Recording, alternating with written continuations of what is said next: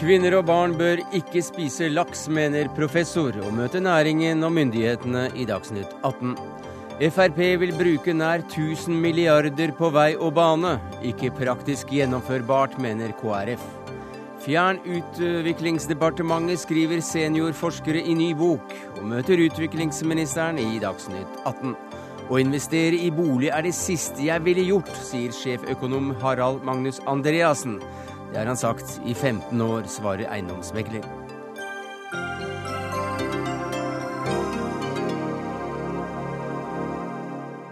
Ja, Det er noen av sakene i eh, Dagsnytt 18 denne mandagen, hvor vi også skal snakke om Norges rolle i verden og Utenriksdepartementets rolle i debatten om norsk utenrikspolitikk. Men først til nyheten om at uh, den rosa prinsessefisken ikke bare er død, naturligvis, der den ligger på tallerkenen, men den er også ganske skadelig å spise. For i dagens VG advarer flere leger og professorer kvinner og barn mot å spise laks. Så professor i medisin ved Oslo universitetssykehus, Henrik Huitfeldt, hva utsetter vi oss ved å spise denne fisken? Ja, Det er miljøgifter i, eh, i sjømat, i fet sjømat. Eh, som akkumulerer i kroppen, slik at eh, det tar veldig lang tid før man da blir kvitt dem igjen. Eh, og forskning viser at dette er miljøgifter som bl.a. fører til problemer med nevrogen utvikling hos barn. Hva betyr det? Lavere IQ.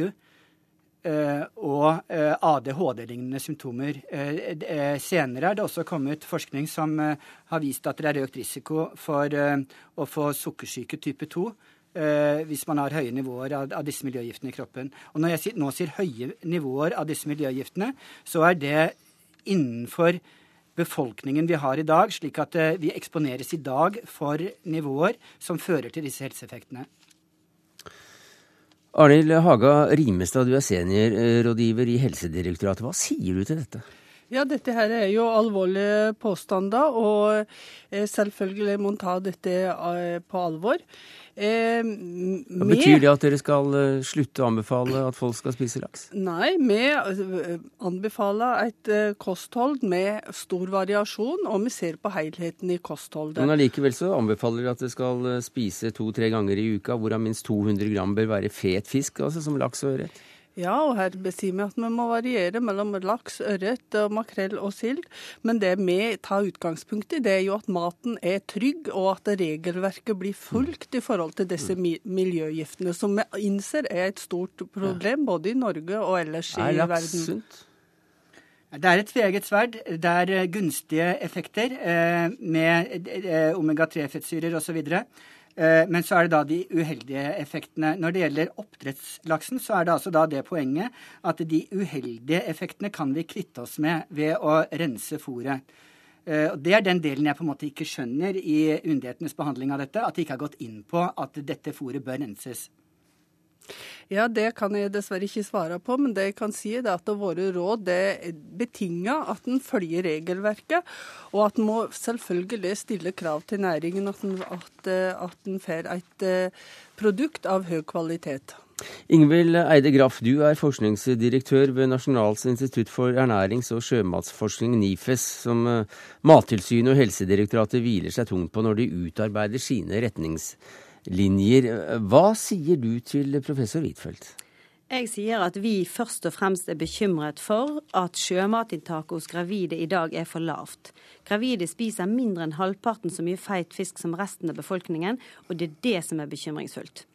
Når det gjelder nivåene av fremmedstoffer og organiske miljøgifter i oppdrettslaks, så analyserer vi dette jevnlig. Og det vi ser er at de siste årene har nivåene av disse miljøgiftene gått betydelig ned fordi at innblandingen av planteoljer har økt på bekostning av fiskeolje. Ja, Det er vel alt i orden, det, Huitfeldt? Ja, altså Når det da gjelder innblandingen av vegetabilske oljer, så medfører det da også at nivåene av eh, omega-3 faller, slik at vi må i dag spise altså da dobbelt så mye eh, laks. Og med andre ord får oss like mye eh, miljøgifter hvis vi vil ha den samme helsegevinsten. Nei, det har vi ikke grunnlag for å si. Vi vet ikke at jo mer omega-3, jo bedre. Fortsatt vil den laksen vi har på markedet i dag, dekke omega-3-behovet vårt for en hel uke. Og når da fremmedstoffnivåene går ned, så er dette en trygg og sunn laks. Huitfeldt. Ja, altså Det regnestykket er ikke jeg med på. fordi at eh, når vi har spist da omega-3, så eh, forsvinner den relativt raskt. Mens eh, det som blir liggende igjen og akkumulere, det er miljøgiftene. Men vi hører da altså at uh, forskerne her uh, mener at uh, gravide kvinner bør spise mer. Ja, Nå eh, blir det sagt at eh, de spiser halvparten av eh, hva andre gjør. Det er sikkert riktig, men problemet er jo at selv om de spiser halvparten, så måler vi altså helseeffekter i det, i det eksponeringsnivået. Slik at de spiser faktisk for mye, de også. Jo, men det er ganske brei konsensus, både i nasjonale og internasjonale rapporter, på at helseeffektene, altså de positive helseeffektene, er betydelig større enn de potensielt skadelige. Og WHO og FAO kom ut med en rapport i 2011 som sier at barns IQ øker når, spiser, når mødrene spiser feit fisk i svangerskapet, sammenlignet med hvis de ikke gjør det. Men jeg skjønner da fremdeles ikke hvorfor man ikke vil rense dette fôret, hvis man kan kvitte seg med disse uheldige effektene. Ja, der, der har jeg en kommentar til det. Fordi at nå er nivåene av fiskeolje i oppdrettsfôret så lavt. og den gevinsten som er ekstra i forhold til rensing, er så liten at jeg er i tvil om det er der vi skal legge inn ressursene. Men det skal andre få lov å svare på. Men det er altså da slik at det særlig er kanskje gravide og barn som bør være svært, svært forsiktige. Er det ikke slik, Huitfeldt? Uh, det er iallfall sånn uh, Sist jeg var inne uh, i denne diskusjonen, så var det primært det området det var snakk om. Senere det, har man også fått forskning, som også NIFES har vært med på, som har vist at disse miljøgiftene også gir økt risiko for utvikling av type 2 eh, sukkersyke.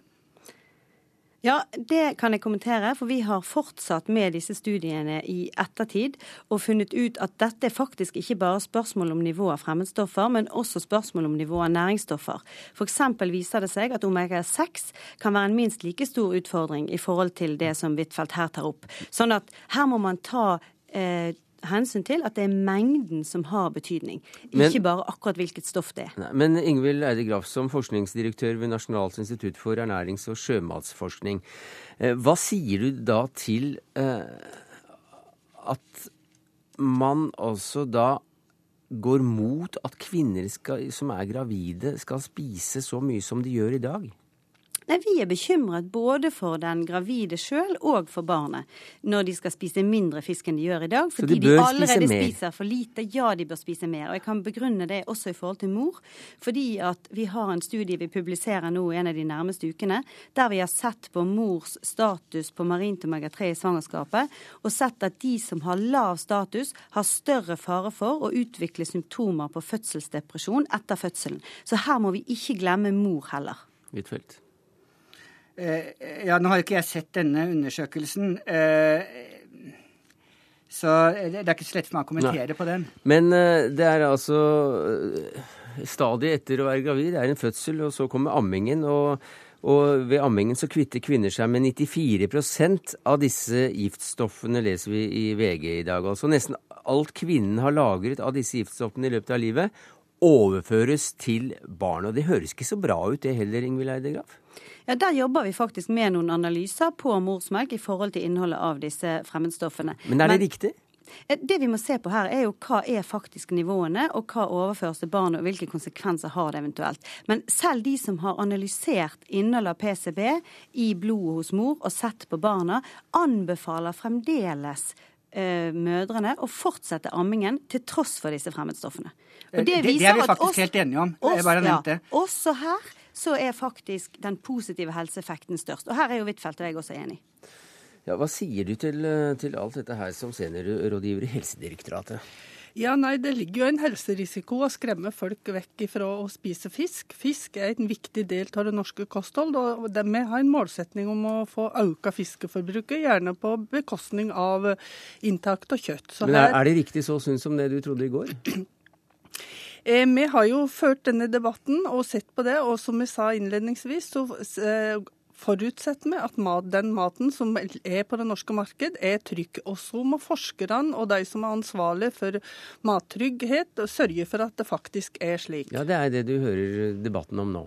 Ja, og vi, holder på det at inntil vi har, har, fått mer data om dette her, så er, anbefaler vi å ete fisk. Men selvfølgelig, varia, variasjon er viktig. Både mellom de feite fiskeslagene og at den er litt Eh, mager og litt feit fisk. Ja, og, det, og, det, at, de, brei, at um, de positive helseeffektene er viktigere enn de potensielt skadelige, er det jo brei konsensus om, både i nasjonale og internasjonale rapporter. Hva slags råd er det du mener Arnhild Haga Rimestad burde ta til seg, Huitfeldt? Nei, Primært eh, så mener jeg, som jeg har nevnt, at man bør legge opp til at dette fôret blir renset. Det andre er at man kanskje skal ikke hvile seg så tungt på EUs vurderinger, men også gjøre en faglig vurdering i Norge. Og i den sammenhengen så bør man kanskje ikke la næringen eh, dominere så sterkt i disse vurderingene som de gjør i dag.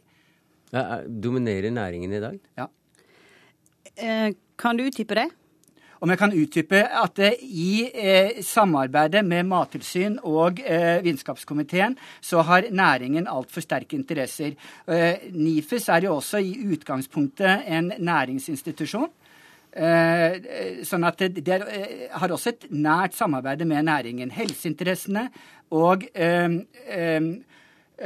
og forbrukerorganisasjoner og forbrukerinteresser er ikke med i dette arbeidet. Eh, altså, Vi har 40% av vår finansiering fra Fiskeri- og kystdepartementet. Jaha. Og det øvrige vi, tar vi inn fra f.eks. For Forskningsrådet eller fra EU eller fra ulike fond. Ikke noe fra, har, ikke noe fra oppdrettsnæringen? Og, og vi, har som, vi, har som, krav har dere noe, for alle, har dere, har dere, Får dere noe penger fra laksenæringen? Vi får ingen penger direkte inn til oss så lenge ikke all forskning er åpen og kan publiseres og er tilgjengelig for alle i ettertid. Så dere får ikke noe penger direkte inn til dere, dere får ikke penger direkte, men får dere noe penger i det hele tatt eh, via andre kanaler da, fra den næringen? Altså, Det er klart at næringen her er en aktør som er viktig å lytte til, for det handler om hvilke problemer og hvilke problemstillinger som skal løses. Men så lenge alt er åpent, alt er publisert, uansett hvilke mm. resultater vi finner, om det er fordelaktig eller ufordelaktig, så ser jeg ikke problemet. Are Kvikstad, du er kommunikasjonsdirektør i Fiskeri- og havbruksnæringens landsforening. og Hva sier du til dette? Nei, jeg tenker at uh, Næring som står for sjømattilførsel til 14 millioner mennesker hver dag, må på en måte finne seg i å bli satt under kritisk søkelys. Men i dette eh, temaet her så er det matprodusentene sin rolle å holde seg innafor de grenseverdiene som er fastsatt, både når det gjelder produksjon av fôr og produksjon av mm. ferdig laks. Men hva sier og, du til at dere er med å betale for forskningen her, slik at uh, noen kan peke på bukk og havresekk? Altså Systemet vi har for å sikre mattrygghet i Norge, også EU, her er jo et EU-harmonisert regelverk, det er jo fastsetting av grenseverdier. og Det har jo selvfølgelig næringa ingenting med. Mm. Men dere, uh, dere renser altså ikke fôret slik Huitfeldt foreslår? Jeg hører Huitfeldt si det, men det er også feil. Eh, når det gjelder fiskefôr, så er det fiskeoljen som kan renses. Eh, det, og det gjøres i, disse, i, de tilfellene at oljen ikke er trygg. Dvs. Si at når det er nivåer som er over grenseverdiene. Fiskeolje som er trygg, blir ikke rensa. Og det er også foretrekket, for når man renser fôret, så forsvinner samtidig en del gode komponenter, f.eks. vitaminer. Mm. Så poenget her er at råvarene blir rensa dersom det er behov for det, og det er for å sikre nettopp at fôret er trygt. Spiser du selv laks, Huitfeldt? Ja, jeg spiser laks. Eh, ikke veldig mye, men jeg spiser, jeg spiser laks. To-tre eh, ganger i uka, sånn som nei. det anbefales? Eh, nei, to ganger i måneden, tenker jeg. Der omkring. Eh, to til tre ganger i uken. Er jo ikke anbefalinger på laks. To til tre ganger i uken. Er middagsmåltider med sjømat per uke. Ja, Hvorav 200 gram bør være i feitfisk. Ja, Hvorav ca. halvparten mm. feit. Så det er viktig at vi har det klart for oss. Det er iallfall sunt å spise gulrøtter uh, enn så lenge, og ganske sunt og i hvert fall veldig gøy å fiske laksen. Men takk skal dere ha, Henrik Huitfeldt, Arild Haga Rimestad, Are Kvikstad og Ingvild Eide Graff. Hør Dagsnytt 18 når du vil, på nettradio eller som podkast nrk.no – dagsnytt 18.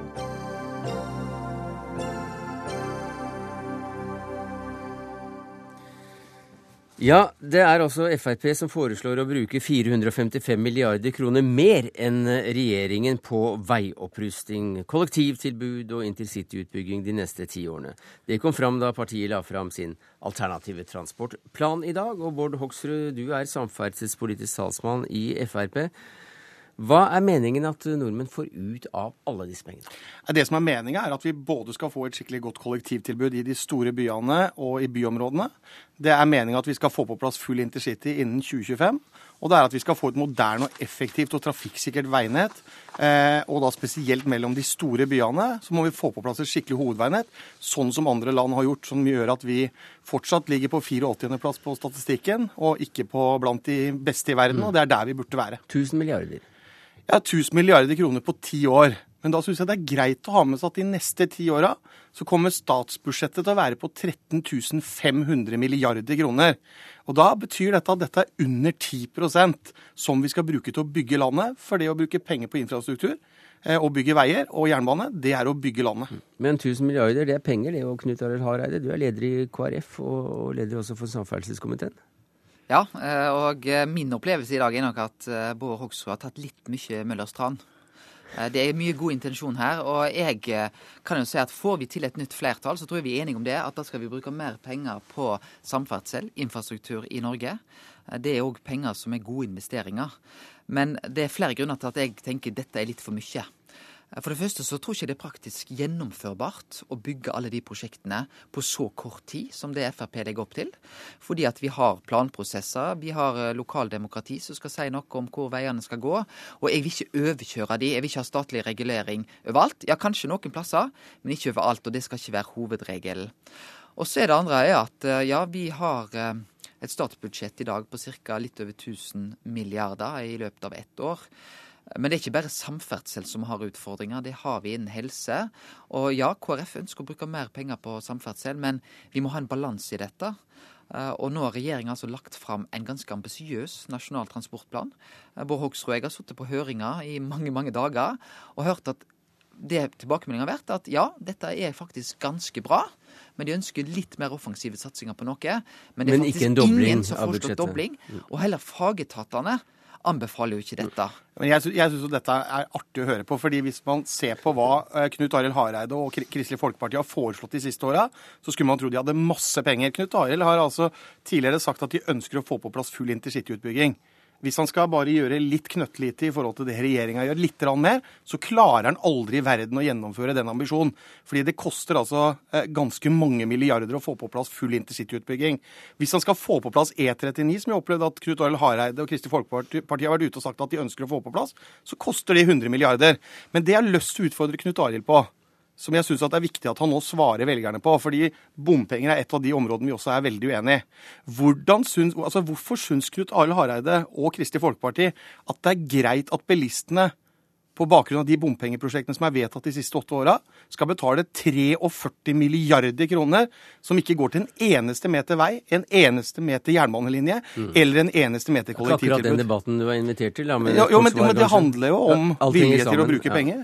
Ja, for meg er det et stort paradoks eh, at når Bård Hoksrud er så tydelig på at vi trenger å forbedre veien vår, men så sier han altså nei til å bruke brukerfinansiering eller bompenger nettopp for å gi bedre vei. Og Eksempelvis så mener jeg at eh, når vi snakker om E39, der altså, går det mange ferjer i dag. Jeg tror at folk flest på Vestlandet er villige til å betale litt i bompenger for å slippe å ta ferja, istedenfor å da kunne ta bru eller tunnel istedenfor.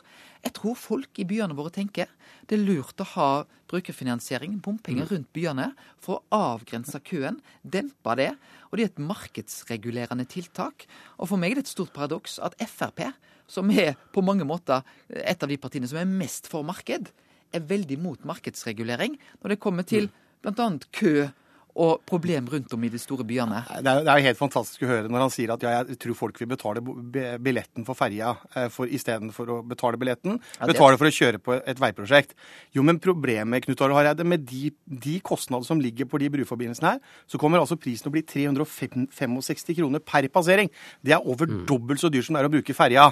Og så har jeg lyst til å si, fordi Han sier at dette er uansvarlig, og Fremskrittspartiet nå kommer med noen ambisjoner som er, er, er langt over det alle de andre ja, gjør. Det er liksom det som er temaet. Jo, men, men Statistisk sentralbyrå Det er jo ikke Frp-organ, for å si det sånn. De er ganske langt unna Frp. Vi er ofte uenige. Ja, okay. Men de har altså sagt nå i en rapport som ble nylig eh, utgitt, i 2013, at man fint kan bruke 45,5 milliard mer på infrastrukturinvesteringer. Men, Men, la, la oss eh, komme tilbake til budsjettet de neste ti årene. Altså en dobling i forhold til regjeringens uh, satsing. Uh, hva syns du om at eh, Frp sprenger rammene for, for den slags med, med, med, med en dobling? Ja, det er jo det vi reagerer på, og det er helt riktig som Bård Hoksrud sier her. KrF vi ønsker òg å få til gode prosjekt innen infrastruktur, men vi ønsker ikke en dobling av investeringene. Men er det fordi at det ikke er penger nok, eller er det fordi at kapasiteten til å bygge ut ikke er god nok? Ja, Det er faktisk begge deler. Jeg syns begge deler er viktige argument i denne saken her. Men et av hovedargumentene våre er jo bl.a. fordi vi har andre gode formål vi ønsker å bruke eh, pengene til. Og- Men, men Frp kan jo bruke penger Men- på, på alt sammen eh, på en gang. Ja, men jeg tror ikke de greier det når de skal få til et ansvarlig budsjett. Og jeg vil ikke gi opp den ansvarlige budsjettenkningen. For meg er det viktig at ikke renta går opp. Jeg tror familiene skal ha trygghet. De tar opp lån, og da må vi som politikere være ansvarlige. Og Men så da- er det jo også sånn at Jo, men- når, når vi nevner E39 Ja, eh, det har jeg gått for. Men jeg sier ikke at det skal komme på ti år. Jeg synes det skal komme på 20 år. Og vi vet jo òg det, at eh, det å krysse Sognefjorden, det vet vi ikke om vi får til helt i dag. Og da begynne å bygge før vi vet om vi får det til, Mm. det er ikke ansvarlig. Men Hoksrud, det er altså da eh, snakk om ansvarlig økonomisk politikk oppi dette her, og vi hører bekymring for at renta skal stige etc. etc. Er du villig til å sjanse på, på hele økonomien med å gå inn for en eh, dobling? Dette handler definitivt ikke om å sjanse på økonomien. Det gjør Altså, det ifølge Hareide her. Jo, ifølge Hareide, men Statistisk sentralbyrå sier at dette har ingen store konsekvenser verken på rente eller inflasjon. Men jeg har lyst til å utfordre Hareide, fordi han sier Ja, at han vil, ha- jo, jo, rask, han vil, han vil ha E39. Altså Hvis han skal ta det på ti år, så er det eh, 75 milliarder kroner. Hvor er de pengene, Hareide? Er det bilistene som skal flå oss med bompenger? Er det de som skal ta den regninga? Eller bør vi øke bevilgningene på samferdselsbudsjettet og bruke de statlige midlene som bilistene allerede har betalt inn gjennom skatter og avgifter på bil? Ja, for ta E39. Der har vi Rogfast, prosjektet som går mellom Stavanger og Haugesund. Det ønsker vi å få på plass. Eh, Og der har vi nå sagt at der vil 92% av denne investeringen bli tatt av bilistene. Så finnes det to prosjekt til som vi mener vi bør se på innen denne tiårsperioden. Det ene er Hordfast, som da går mellom Sunnhordlandsregionen og opp mot Bergen. Der òg vil, eh, vil bilistene gjerne være med, for de er opptatt av dette prosjektet. Det samme gjelder Møreaksen. Så det er klart at når De vil ikke bli flådd Knut Arild Hareide, gjennom bompenger. Nei, men bompengedebatten mine her, den tar vi en annen gang. Og vi tar også debatten om, om E39 ved en senere anledning. Men takk skal dere ha, Vård Hoksrud, samferdselspolitisk talsmann i Frp, og Knut Arild Hareide, leder i Kristelig Folkeparti.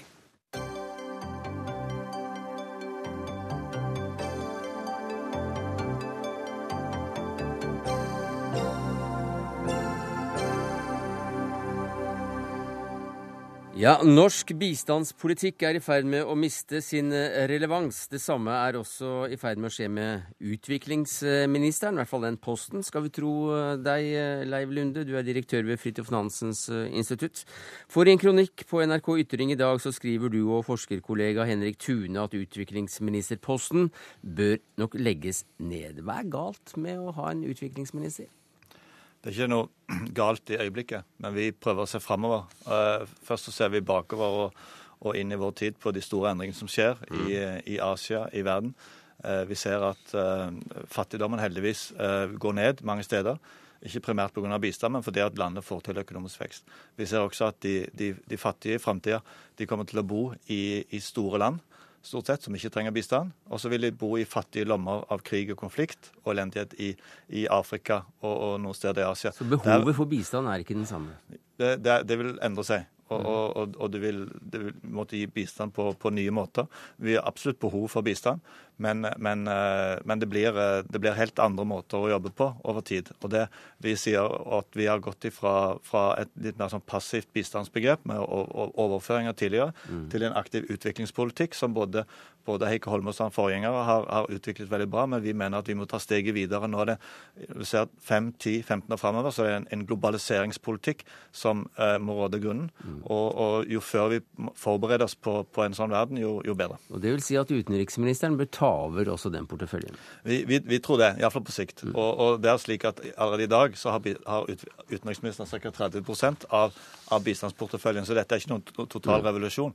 Uh, utviklingsministrene har som sagt, de har gjort en, en, en, veldig bra jobb og gjør en god jobb, ja. men, men, det er for framtida krever andre løsninger. Ikke prøv å sukre pillen for mye nå, for ved siden av deg så sitter jo Heikki Holmås, utviklingsminister eh, fra partiet SV. Er du klar til å, å slukke lyset, låse døra og, og, og lukke? og ta, la departementet ditt uh, ligge i mørket? Vi har jo samme departementet, utviklingsministeren og utenriksministeren. Men jeg tror det er bra for verdens fattige land at uh, Norge og andre land har en utviklingsminister som velger å stå på deres side. Fordi det vil jo ofte være sånn at en, en utenriksminister eh, vil gjerne fremme norske interesser, eh, norske selskaper, Statoil, andre norske selskaper, i, eh, i et land når du, når du, kommer og skal investere.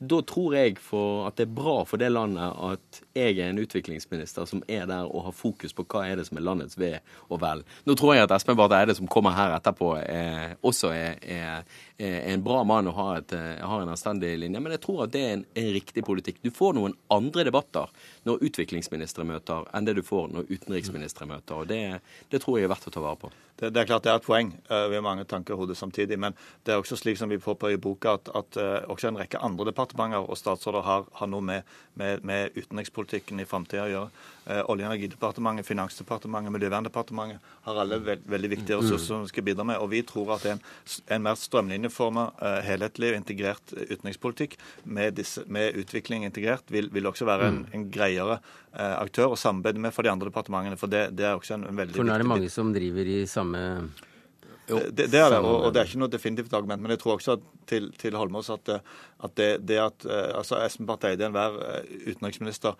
håndterer eh, krevende avveininger mellom verdier og interesser hver eneste dag. Uh, det, det, men det er klart at en utviklingsdebatten er, er, viktig, og den skal holdes levende. og Det er mange måter å gjøre det på, men, men vi ønsker å skape debatt gjennom å si at, at verden forandrer seg kraftig, og mm. vi trenger en integrert utenrikspolitikk. Anne Marie Helland, du er generalsekretær i Kirkens Nødhjelp. og Hva synes du om forslaget om å fjerne utviklingsministeren? Det syns jeg er et usedvanlig dårlig forslag. um, av den enkle grunn at Ehm, som Holmås var inne på, så er altså utenrikspolitikkens mandat er å fremme norske interesser. Og nå skal jeg sitere bare én setning, den aller første setningen i utenriksbudsjettet for i år, som sier Regjeringen vil føre en utenrikspolitikk som fremmer norske interesser. Norsk sikkerhet, økonomi og velferd. Det er ikke et ord der om de fattiges interesser.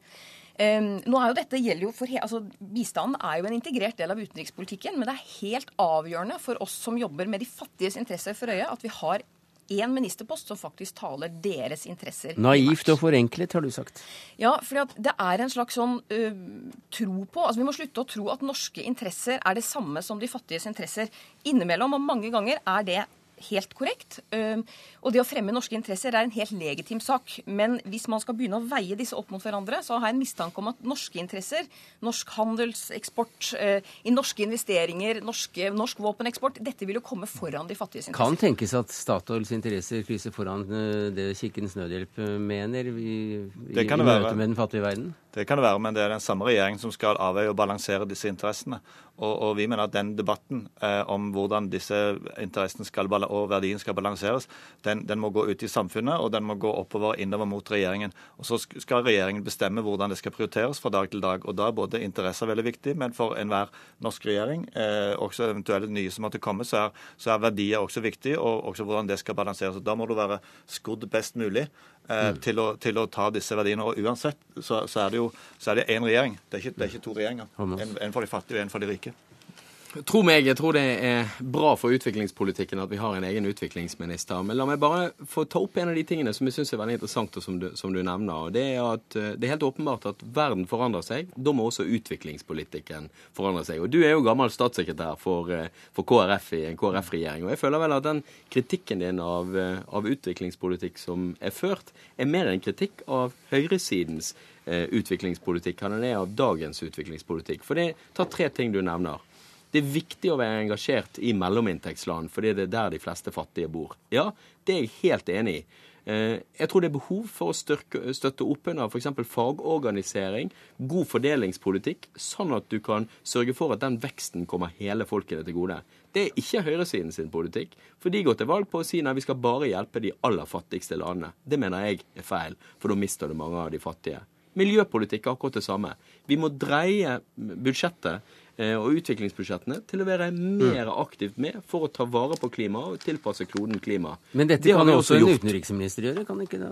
Jo, men jeg tror det, men det er klart at en utenriksminister kan, eh, kan gjøre det. og jeg, eh, Det er mange måter å, å løse dette på. Men jeg ser nå at de fleste land som eh, driver politikk, eh, og som har en aktiv utviklingspolitikk, Mm. de velger også å ha egne utviklingsministre. Jo, men, og jeg eh, tror ikke det er tilfeldig. Nei, men eh, også i fremtiden så, så vil man være mer avhengig av å veie disse hensynene opp mot hverandre. Og da må det ikke være både en utviklingsminister og en eh, utenriksminister, ifølge forfatteren her. Ja, men det tror jeg de tar feil i. Eh, Men jeg tror det er, og jeg tror også det er bra å sørge for at du har noen som konsekvent og hele tiden tenker hvordan fungerer norsk politikk i forhold til utviklingslandene. Eh, Og den tror jeg, den, den rollen tror du best fyller hvis du har noen som står på for akkurat det hele tiden. Ja, men jeg, eh, jeg vil ikke gå inn i noen diskusjon om høyre og venstre, eller eh, utover nå både av departement og, og, og politikk, og er uavhengig observatør og forsker. Men, men det er veldig viktig at vi opprettholder og bygger og styrker en politikk for mellominntektsland. Kina, India, Brasil. Eh, Det, det er selvfølgelig viktige ting en, en utviklingsminister kan gjøre, men, men for meg så blir det, spesielt framover, så blir det kun en, på en, måte en utenriksminister som har tyngden til å kunne gå inn og, og, og påvirke. Og, og vi må bygge opp vi må, det, det, det, disse, det som skjer i vår politikk overfor disse landene, kan ikke først og fremst være bistand. Det må være utenrikspolitikk, men vi må, vi må bygge opp mye større grenseflater og mye større samarbeidsflater mot disse ekstremt viktige landene. Eh, Og da er det en integrert eh, utenrikspolitikk som må til. Jeg er enig i det, men det som, det som du ser er at den politikken må være tilpasset sånn at de landene faktisk får nyte godt av den veksten de har. Ta et eksempel som Zambia. Zambia er et land som er et av de som har opplevd stor vekst. De har mye naturressurser. Vi har støttet de med kompetanse for å sørge for å få økte skatteinntekter. Men kan ikke UD også gjøre det? Jo, det er UD. altså det er jo Utenriksdepartementet. Jo, jo da, jo da. Men eh, nå får du Espen Barth Eide inn i studio etterpå. Ja, og Da ja. tror jeg du får, spørre, får du spørre han om det. Men, det. men det er ikke noe tvil om at det er hovedjobben min. Det er å sørge for at utviklingsland får nyte best mulig av den kompetansen og erfaringen vi har til å utvikle seg sjøl. 26 millioner kroner inn for å øke skatteinntektene til Zambia. De fikk 1,7 milliarder tilbake. Og de pengene, det er god og smart Og utviklingspolitikk. penger, Det er kjempeviktig. nesten hele budsjettet til Kirkens Nødhjelp kommer vel fra utviklingsministeren. Er det derfor du vil beholde den? Eh, nei. Eh, de pengene altså For det første så kommer nok ikke nesten alle pengene våre fra utviklingsministeren. Ca. 30% kommer fra han. Men, eh, eh, men litt av poenget her igjen er at altså, vi må snakke om fattige mennesker. Det er en milliard mennesker som sulter i verden i dag. Eh, hvem er deres talsmann? Hvor høyt kommer de på lista over eh, norske prioriteter når man står da med andre aktører, norske aktører som har tunge og helt legitime anliggender? Eller de 70% av mennesker på landsbygda i Mosambik som ikke har tilgang på rent vann. Når man der skal inn og prioritere som ut, utenriksminister, og man har store norske, tunge, legitime, gode aktører som står og dunker på døra, så trenger man noen som faktisk kan snakke for de 70% Og det har vært bl.a. blant annet eh, deg som har snakket opp Heikki Holmås som utviklingsminister her, Anne Marie Helland. Du er generalsekretær i Kirkens Nødhjelp. Takk skal eh, du ha. Hvis, eh, Holmås, du, hvis du har ombestemt deg i løpet av disse minuttene i Dagsnytt 18, så kan du altså levere nøkkelkortet til mannen som eh, snart skal inn for eh, utenriksministeren. Han sitter på, på venteværelset. Vi Takk skal, tett og godt. Takk skal du også ha. Vi skal over til å snakke om den der boka som der. du må bli sittende, Rune. Fordi at du nevnte en, en bok, og det er jo da denne denne boka 'Hva Norge kan være i, i verden'. Bistand i tradisjonell forstand hører antagelig da ikke hjemme på menyen over alt Norge kan være i verden. Tittelen på boka, som du og seniorforsker ved NUPI Henrik Tune har skrevet, er det. Og det er der dere skriver bl.a. om norsk bistand har relevans. Men hva slags bok er det dere har skrevet? Skal jeg begynne? Ja, jeg tenkte Lunde kunne fortsette, siden han er så godt i gang her. Ja, jeg, jeg, begynner, så tar, tar du over. Vi, vi har eh, skrevet en bok om eh, alle de store forandringene som skyller over eh, verden, som, at, som vi må forholde oss til. Vi tar utgangspunkt i at vi, er, vi synes det er, det er altfor lite debatt, altfor lite refleksjon om hvor viktig verden utenfor er. Verden utenfor blir enda viktigere for oss. Eh, vi, vi går fra å, å ha hatt en verden som har vært dominert av USA, til en, eh, som vi skriver, en, en verden uten sentrum. Eh, det blir en enda mer krevende verden å forholde oss til. Vi er et ekstremt åpen land, en åpen økonomi. Svært avhengig av verden utenfor oss. Og, og, og derfor eh, mm. trenger vi en, en, en ordentlig, ordentlig, ordentlig debatt om dette. Dere skriver også at boka er et argument, sitat, for at mangelen på bred utenrikspolitisk interesse er et uttrykk for et alvorlig politisk sykdomstegn som må kureres. Og da henvender, henvender vi oss da selvfølgelig til deg, doktorpolit Henrik Tune. Hva er det dere skal kurere? Eh, den, det vi sier her, er jo da baserer seg på en scene som er litt før boken der, fra valgkampen for nøyaktig fire år siden. Mm. Da satt uh, norske politikere som vi da skulle velge mellom uh, til å styre Norge, den gangen i 2009. De satt uh, ved Arbeidernes plass en stor sal og diskuterte en fredag rett før valget, og vi skulle velge. Under den debatten så var det ikke et eneste spørsmål om verden utenfor Norge. Og som Leiv akkurat sa, så, så er, jo ikke det så rart. ikke sant? Altså, det, er ikke så, det er ikke så spennende alltid med utenrikspolitikk. Men, men paradokset er at uh, det vi kaller det norske samfunnet i dag, er jo i virkeligheten ikke norsk. Det er et samfunn som har på alle mulige måter smeltet inn i verden utenfor. Og det vi da sier, er at det å styre Norge i framtiden, det kan ikke bare gjøres fra innsiden. Det krever et dobbelt blikk. Det krever politikere som ser det nasjonale, men de må se det nasjonale gjennom det globale. Og da blir plutselig utenrikspolitikken ikke bare kjedelig utenrikspolitikk, men det blir et instrument man trenger også for å forme det norske samfunnet. Så utenrikspolitikk blir innenrikspolitikk? Ja, det er, det er omtrent slik. Men i boka så skriver dere da bl.a. om disse store bølgene som Lunde så vidt var innom. Også. Hva slags utgangspunkt er det for å forstå verden? Ja, altså Det er jo et eh, stort og vidt utgangspunkt. Mm. boken er jo bygd opp som et drama på mange måter. Uh, handler på én side om et lite rom i Utenriksdepartementet som heter Rom 419, og hvor den utenrikspolitiske ledelsen sitter. Er ikke bord? Det er ikke bord. Uh, I Victoria terrasse, gammelt, gammelt, gammelt stort stue antageligvis, for folk har sittet før. Det var, en, det var en, en gammel sånn leilighetskompleks i Victoria terrasse. Det er det ene punktet vi snakker om. Og så er den andre scenen vi snakker om, er de store tingene som skjer ute på den internasjonale arenaen. Og spørsmålet vi er opptatt av, er hvordan skal den gruppen av mennesker som sitter rundt dette eikebordet der, og som sitter rundt kongens bord inne i parken eh, på Slottet, hvordan skal de forholde seg til disse store endringene? Og endringene de er eh, så store at uh, verken du eller jeg uh, eller våre foreldre antageligvis har sett maken til det. For disse bølgene dere snakker om er ganske spennende i seg selv. Kan ikke du bare veldig raskt si, si, hva dere mener med det? Altså, vi snakker om, vi sier at vi lever på kanten, på begynnelsen, av det vi kaller den fjerde globale bølgen. Hva var den første? Eh, den første var Europa, som eh, ble det dominerende sentrum i verden. En gang etter 1500-tallet. Og den andre? Eh, den andre var Europa som tok over resten av verden. og etablerte et statssystem og en verdensorden i det som var et europeisk bilde. Og den tredje? Den tredje det var etter første verdenskrig og så etter annen verdenskrig, da tyngdepunktet i verden ble flyttet fra Europa og ut et eller annet sted i Atlanterhavet og var nærmere USA. Og vi fikk en orden som i veldig mye sterkere grad enn vi vanligvis snakker om, har vært en hegemonisk amerikansk orden hvor USA har stått ansvarlig for å stabilisere på godt og vondt. Mer enn vi snakker om? Ja, altså fordi vi fra et norsk perspektiv så tror jeg vi ofte tenker på verden som noe som fungerer fordi vi har en orden vi kaller FN etc. Vi sier at det er riktig, eh, men det viktigste stabiliserende faktoren for, for verden de siste 40-50 årene har vært USA. Eh, på en negativ side, vil noen si, men også på den positive siden. At eh, amerikanerne har tvunget gjennom samarbeid, tvunget gjennom internasjonale organisasjoner. Og Spørsmålet vi da står overfor, er eh, hva skjer med den orden som vi har hatt noenlunde stabilt i 40-50 år, i det øyeblikket USA ikke forsvinner. Ja, ja. det er den fjerde bølgen. Og hvor, hvor, fører den oss? Det vet man ikke. Men det vi vet, er Øst, øst og sør? Vi vet hva som vil forsvinne. Ja. Det vet vi. Og det er? At verdens sentrum ligger rundt Atlanterhavet. Det vil forsvinne. Det vil forsvinne. Ja. Og hva skjer da med Eller hvilke implikasjoner gir det et norsk utenriksdepartement og, og dette rommet 419 der, der makten er samlet? Ja, Som vi ser på det, så skjer jo denne store forandringen, disse bølgebevegelsene, de skjer jo midt oppi en annen situasjon som er relevant for Norge. At Norge er et ekstremt overskuddsland. Uh, utenrikspolitisk har vi få trusler. Vi har store og voksende budsjetter, mens de fleste andre europeiske land har synkende budsjetter. Så vi har masse penger.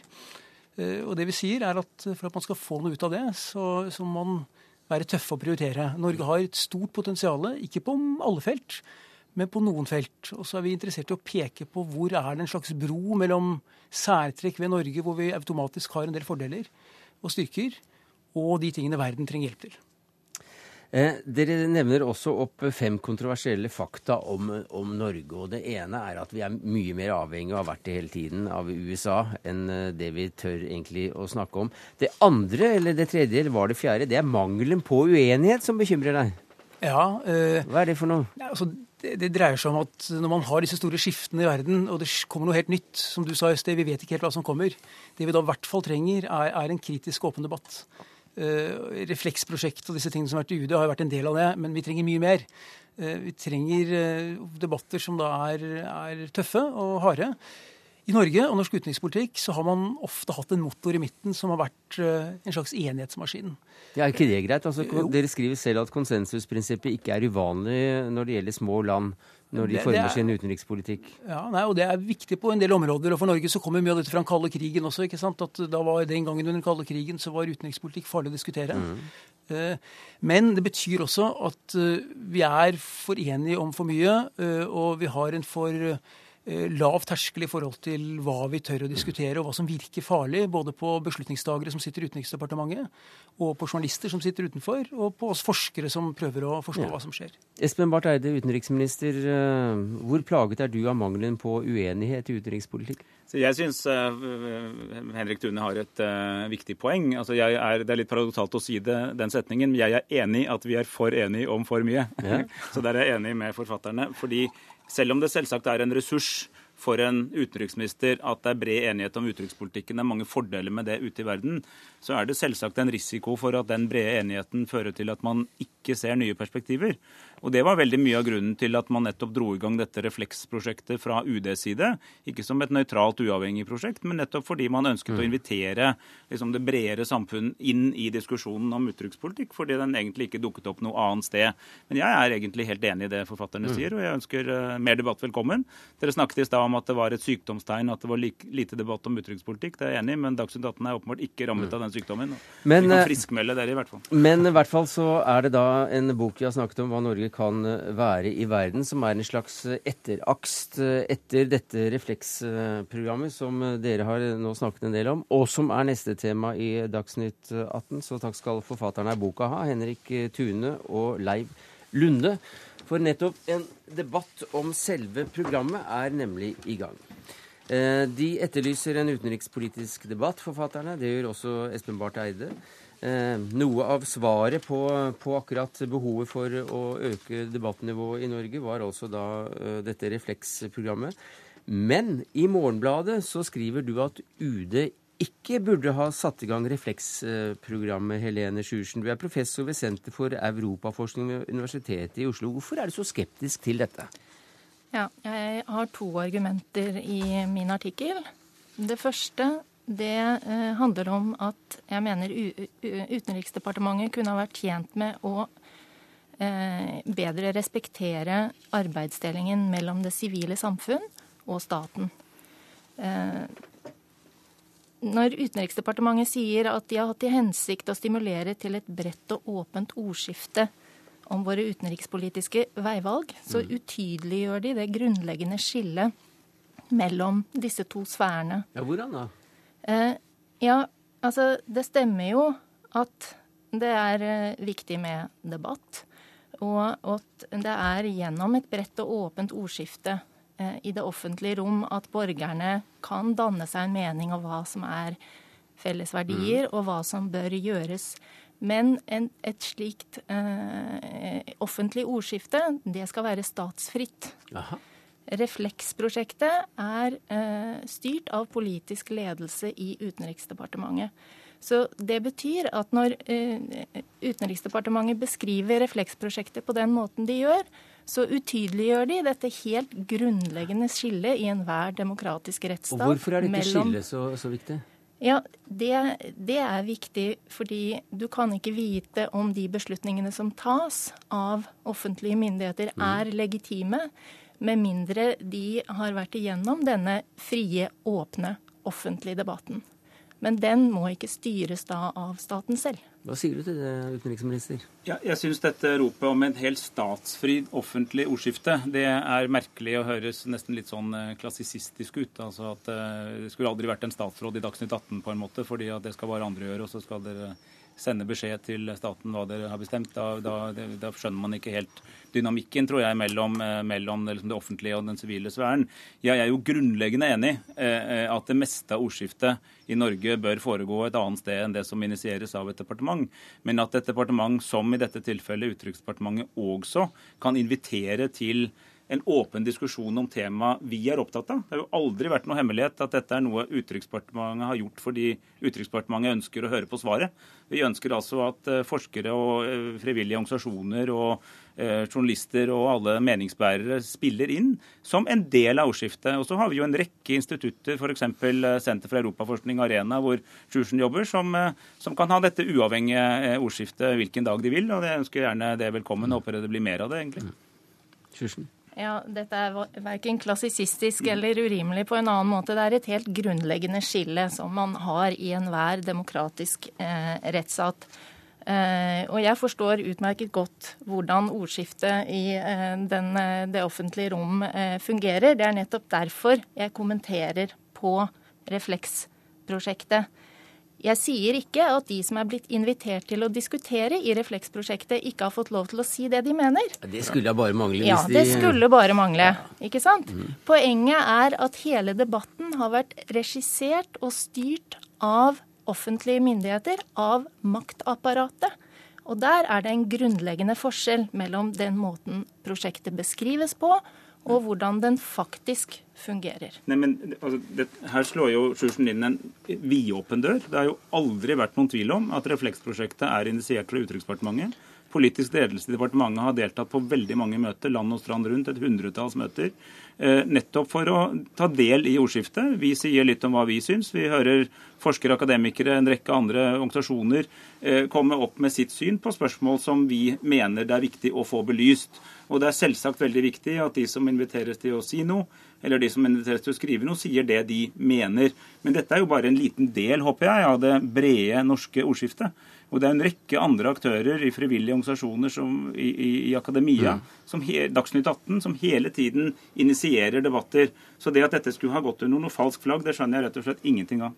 Ja, eh, Hele poenget er, som eh, Eide selv sier, at de har eh, satt på agendaen spørsmål som de mener det er viktig å få belyst. Hvis Utenriksdepartementet virkelig tok på alvor tanken om at det er behov, som de sier, for en fri og åpen offentlig debatt om utenrikspolitikken, da kunne de ha lagt til rette for den debatten på en helt annen måte enn det de har ja, hvordan da? Hvordan da? Da kunne de ha latt regien ligge hos andre aktører. Hos aktører som ligger i det sivile samfunn, istedenfor å eh, styre den selv fra departementet. F.eks. i Utenrikspolitisk institutt, eller eh, på Arena, eller i, eh, i pressen? Hvor som helst. I det sivile samfunn. Men, respekt, Men jeg vil gjerne si én ting til. Jeg vil gjerne si en ting til. For jeg har ett poeng til i, i artikkelen. Og det handler om dette med konsensus omkring norsk utenrikspolitikk. Utenriksministeren både åpnet og avsluttet Refleks-prosjektets siste konferanse med å fastslå at det er konsensus omkring norsk utenrikspolitikk. Det skjedde for 14 dager siden. Ja. Mm. Eh, han understreket også, med stor hjelp av eh, Ine Marie Eriksen Søreide, som er leder for eh, Stortingets utenriks- og forsvarskomité, at det er avgjørende for våre norske interesser at det fins en slik konsensus. Da må det være lov å spørre hvor mye debatt utenriksministeren egentlig ønsker å mm. ha. Ja, ja, jeg vet ikke om Sjursen var på samme seminar som meg. For jeg sa at det, legges, det sies ofte at det er bred enighet, og jeg opplever bred enighet. Men jeg problematiserte også den enigheten. Nettopp min innledning var jo på å si at den også har en potensiell nedside. Nemlig at enigheten fører til mangel på nytenkning. Derfor ønsker vi eh, å være med og, og, og skape et rom for en debatt, også med kritiske perspektiver. Så Det er jo nettopp hele mitt poeng, og det har jeg også sagt og skrevet i mange andre sammenhenger. Så jeg har virkelig aldri sagt at det er slik at vi skal tilstrebe konsensus. Men jeg har konstatert at det er ganske bred konsensus, og jeg kan jo ikke gjøre annet enn å konstatere at i hvert fall i Stortinget er de fleste da enig med meg og regjeringens nåværende mm. utenrikspolitikk. Men det er ikke lenger siden enn f.eks. under Irak-krigen i 2003, under en annen regjering, at det var ganske stor uenighet om utenrikspolitikken. Da hadde vi et meget rikt ordskifte om det, og det førte også til at man påvirket politikken. Mm, det har vel vært folk på plenen foran Stortinget også under de rød-grønne, så ja. Ja, Utenriksministeren sier jo også veldig ofte at det er altfor lite debatt om norsk utenrikspolitikk. Ja, det hørte vi tidligere i sendingen. Ja, så, så, her må han nesten uh, velge. Men det er det jeg mener. Uh, og så er jo problemet det at man kan jo ikke anta at det fins en konsensus før debatten faktisk er tatt. Den frie, åpne uh, debatten. Ikke sant? Det er først når den er tatt, i det åpne sivile rom, at man kan konkludere med om det er konsensus eller ikke. Mm. Ja, I tillegg Nei, så er det Det må vi nesten få et svar på. Ja, men det er ett eh, poeng, ett svar til til Eide i det han sa i sted. Mm -hmm. eh, og det er rett og slett det at når, når, når utenriksministeren eh, understreker at det er viktig for våre interesser at, eh, at det er konsensus, og at hovedlinjene i utenrikspolitikken ligger fast, da må det som sagt være lov å spørre hvor mye debatt og hvor mye kritikk og hvor mye nytenkning er det egentlig ønskelig fra Utenriksdepartementets side å få? Svaret kommer der. For det første, to, to, svar i to ledd. Første punktet er at eh, jeg har, jeg har vært eh, utenriks- eller forsvarspolitiker på høyt nivå i ca. ti år, og jeg har vært mange flere år forsker i utenrikspolitikk. Jeg opplever at jeg har deltatt i det offentlige ordskiftet, både det som er initiert av staten og det som er initiert utenfor staten, mange mange ganger. Vi har debatt i Norge. Det jeg sa på seminaret, og som jeg sier i boken, hvor, det jo står hva jeg mener om dette, denne boken fra Refleksprosjektet, det er at eh, det, det, det foreligger en bred enighet. Det har noen fordeler, men det er også noen ulemper. Eh, som jeg nettopp sa i forrige debatt, det må vi passe på å utfordre, slik at vi hele tiden er i stand til å mm. tenke nytt.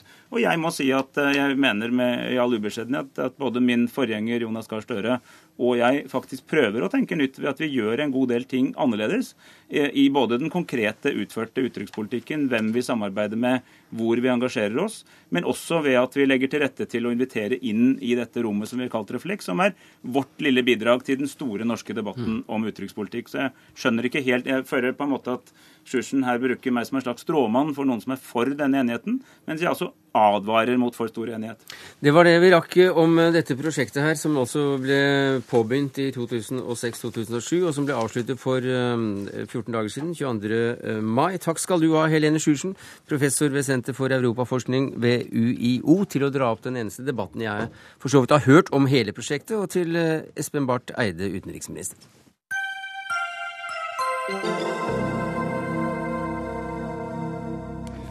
Så innenriks. For de siste årene har boligprisene steget kraftig, men denne uka kom tallene som viser at boligprisene har flatet noe ut den siste tiden. Flere økonomer tror at prisene kommer til å falle. En av dem som advarer mot å investere for mye i bolig nå, det er jo deg, Harald Magnus Andreassen. Du er sjeføkonom i eh, First Securities. Hvorfor det? Eh, jeg har sagt at jeg vil være skeptisk til å kjøpe bolig og fritidseiendom i Norge ut fra et investeringssynspunkt. Ikke bare skeptisk, du har skrevet at å investere i bolig i Norge er det siste jeg ville gjort. Ja, jeg tror som investeringsalternativ så er det blant de siste tingene. Sa du til Jeg vil, jeg vil anbefale folk å kjøpe det som har falt mye, og som er billigere enn normalt. Eh, og vi kan finne boliger f.eks. i mange land som er, har falt mye, og som er normalt lav priset.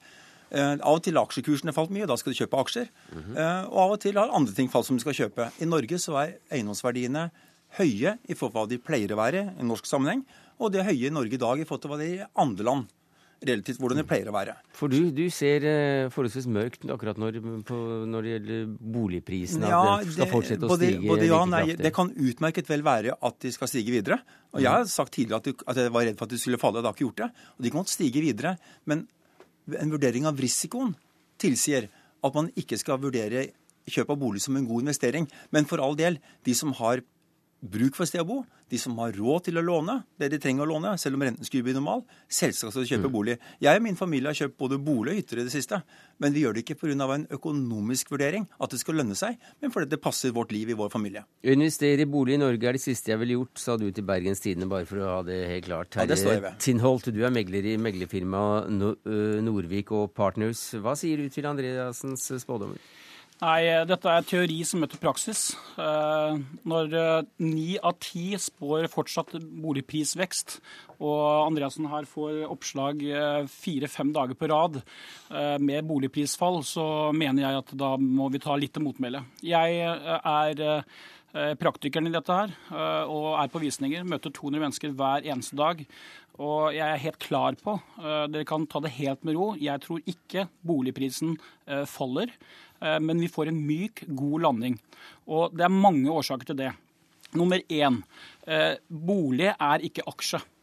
Eh, Folk tenker feil når de hører uttalelsen til Harald Magnus her, som sier at dette faller fort. Og ut ifra som han sier, et investeringssynspunkt, så kan det være at han har rett. Kanskje. Men han har tatt feil før. Og i 2003 eh, tok fram, bare googlet eh, raskt eh, frem her, eh, så står det «Du- 'kjøp aksjer fremfor bolig', eh, har Harald Magnus sagt. Og da sprang jeg ut og kjøpte eh, mine to andre boliger fort. Eh, og det stemte veldig godt. Eh, Ja, For de lønte seg mer enn aksjene? Ja, fordi ja, Det er jeg ikke så sikker på, faktisk. Nei, det er jeg ikke sikker på. Nei, det er jeg ikke sikker på. men- 2000, Spørsmålet på året jeg sa det, faktisk. Ja, du sa Ja. det i april. Ja, da var aksjekursene ganske lave, faktisk. Ja, og det er helt riktig. Men folk har ikke greie på disse aksjene. Og jeg har testet meg eh, i dette aksjemarkedet, og jeg er kunde av din bank. Mm. Eh, Så, så dette vet jeg alt om. Og, og saken er at eh, bolig er nummer én, ikke en aksje. Det er noe investering i forhold til livskvalitet. Det er nummer én. Nummer to, vi har hatt en stigning som er høy, og det er det du refererer til. Den stigningen er høy pga. mange ting. Ikke bare fordi at den stiger, men fordi vi pusser opp. Jeg kjøpte en bolig for fem millioner, pusset den opp for to. Hva skjer med boligprisen da? Jo, den stiger da nesten 20 Og det er vel også slik Andreasen, Andreassen, at eh, det er litt mangel på boliger, sånn at etterspørselen minsker jo ikke? Nei, det, jeg er litt usikker på hvor stor mangelen er. For hadde det vært alvorlig mangel på boliger, så tror jeg husleiene skulle steget veldig kraftig. Ja, og de, det- og de har steget litt raskere enn inflasjon, men boligprisen har steget langt, langt raskere enn husleiene har steget. Um, og det bygges nå faktisk mer boliger i Norge enn det det normalt gjøres. Det bygges mer enn tre ganger så mange boliger per innbygger som i alle andre land vi kan sammenligne oss med. Og i Oslo og Akershus har det knapt nok vært bygget mer enn det gjøres nå, på lang, lang stund. Dette skulle jo da tilsi at boligprisene ikke bare flater ut, men faller litt. Nei, det, det er ikke, altså jeg sier ikke at boligprisene kommer til å falle. Jeg syns de er fryktelig høye. Å si at det er, dette er teori altså Saken er følgende. Dette er praksis. Vi har erfaring fra Norge og fra veldig mange andre land uh, over lang, lang tid. Uh, punkt nummer én. Vi vet at boligprisene ikke stiger særlig raskere enn inflasjon over tid. Her har vi erfaring gjennom århundrer av faktiske tall. I det løpet av det siste, ja, Fra 1970 til 2005, altså i en periode på 35 år, så var det et utall perioder med opp- og nedtur i boligmarkedet. Og det var fall på mer enn 15% faktisk så ofte som hver 20. år, altså i hvert enkelt land. Og Det betyr at det er veldig mange runder hvor vi har hatt boligprisøkning og boligprisfall. Og vi har hatt mange land rundt oss nå som har opplevd boligprisfall. Og dette her er jo ren empiri. Og, og det er faktisk, altså, det er det, dette, dette stemmer ikke helt. fordi at eh, Hvis du går inn og så ser Det er ett ord som er veldig viktig å, å, å, eh, notere seg her. Det er globaliseringsprosessen. Og den eh, går i rekordtempo i storbyene i Norge.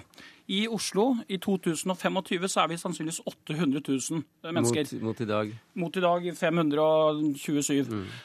Vi trenger, eh, Tall fra Prognosesenteret i dag sier vi trenger 6800 boliger i Oslo per år. Det er i snitt fra 2001 til 2011 bygd bare 3000. Altså vi er lack på 3800. Ja, vi bygger- Vi bygger mye mer enn nå i dag. Ja, vi bygger, vi, det har jeg også. Vi bygger 4500 boliger, det har jeg her. Eh, Mm. De boligene er solgt. Eh, 80% av de er solgt. Og, og clouet her, Dere må huske på det at den globaliseringsprosessen den går så Mm. fort fordi vi ønsker å bo der det er caffè latte. Apropos, det, apropos det apropos, Vi nærmer oss slutten her, Andreassen. Men apropos caffè latte og slikt. Også, du ville heller kjøpt bolig i Spania eller til og med Japan, men det er langt å pendle, da? Ja, altså Hvis jeg skulle ha for å bolig, så er det klart at da er ikke det alternativ. Men som investeringsobjekt så kan man investere i bolig andre steder. Hvilket land ville vi, vi skulle velge ett land i verden? eh, å kjøpe bolig. Eh, kanskje snart Spania. Der kan man ha til og med stor glede av boligen. Eh, tyske boliger er billige, irske er- billige. Mange i USA er det kjempebillig mange steder nå. Vi kan sammenligne kvadratmeterprisene. Vi kan se på leiene du får på boligene i forhold til hva vi har i Norge. Så er det altså mye bedre å investere der enn å investere i Norge. Jeg minner at leieprisen gikk opp i dag. Det var det siste vi rakk i Dagsnytt 18 i dag. Takk skal du ha, Terje Tinholt, Harald Magnus Andreassen, og takk til den som var ansvarlig for hele sendinga, nemlig Magnus Bratten. Teknisk ansvaret hadde Karl Johan Rimstad. Jeg heter Sverre Tom Radøy.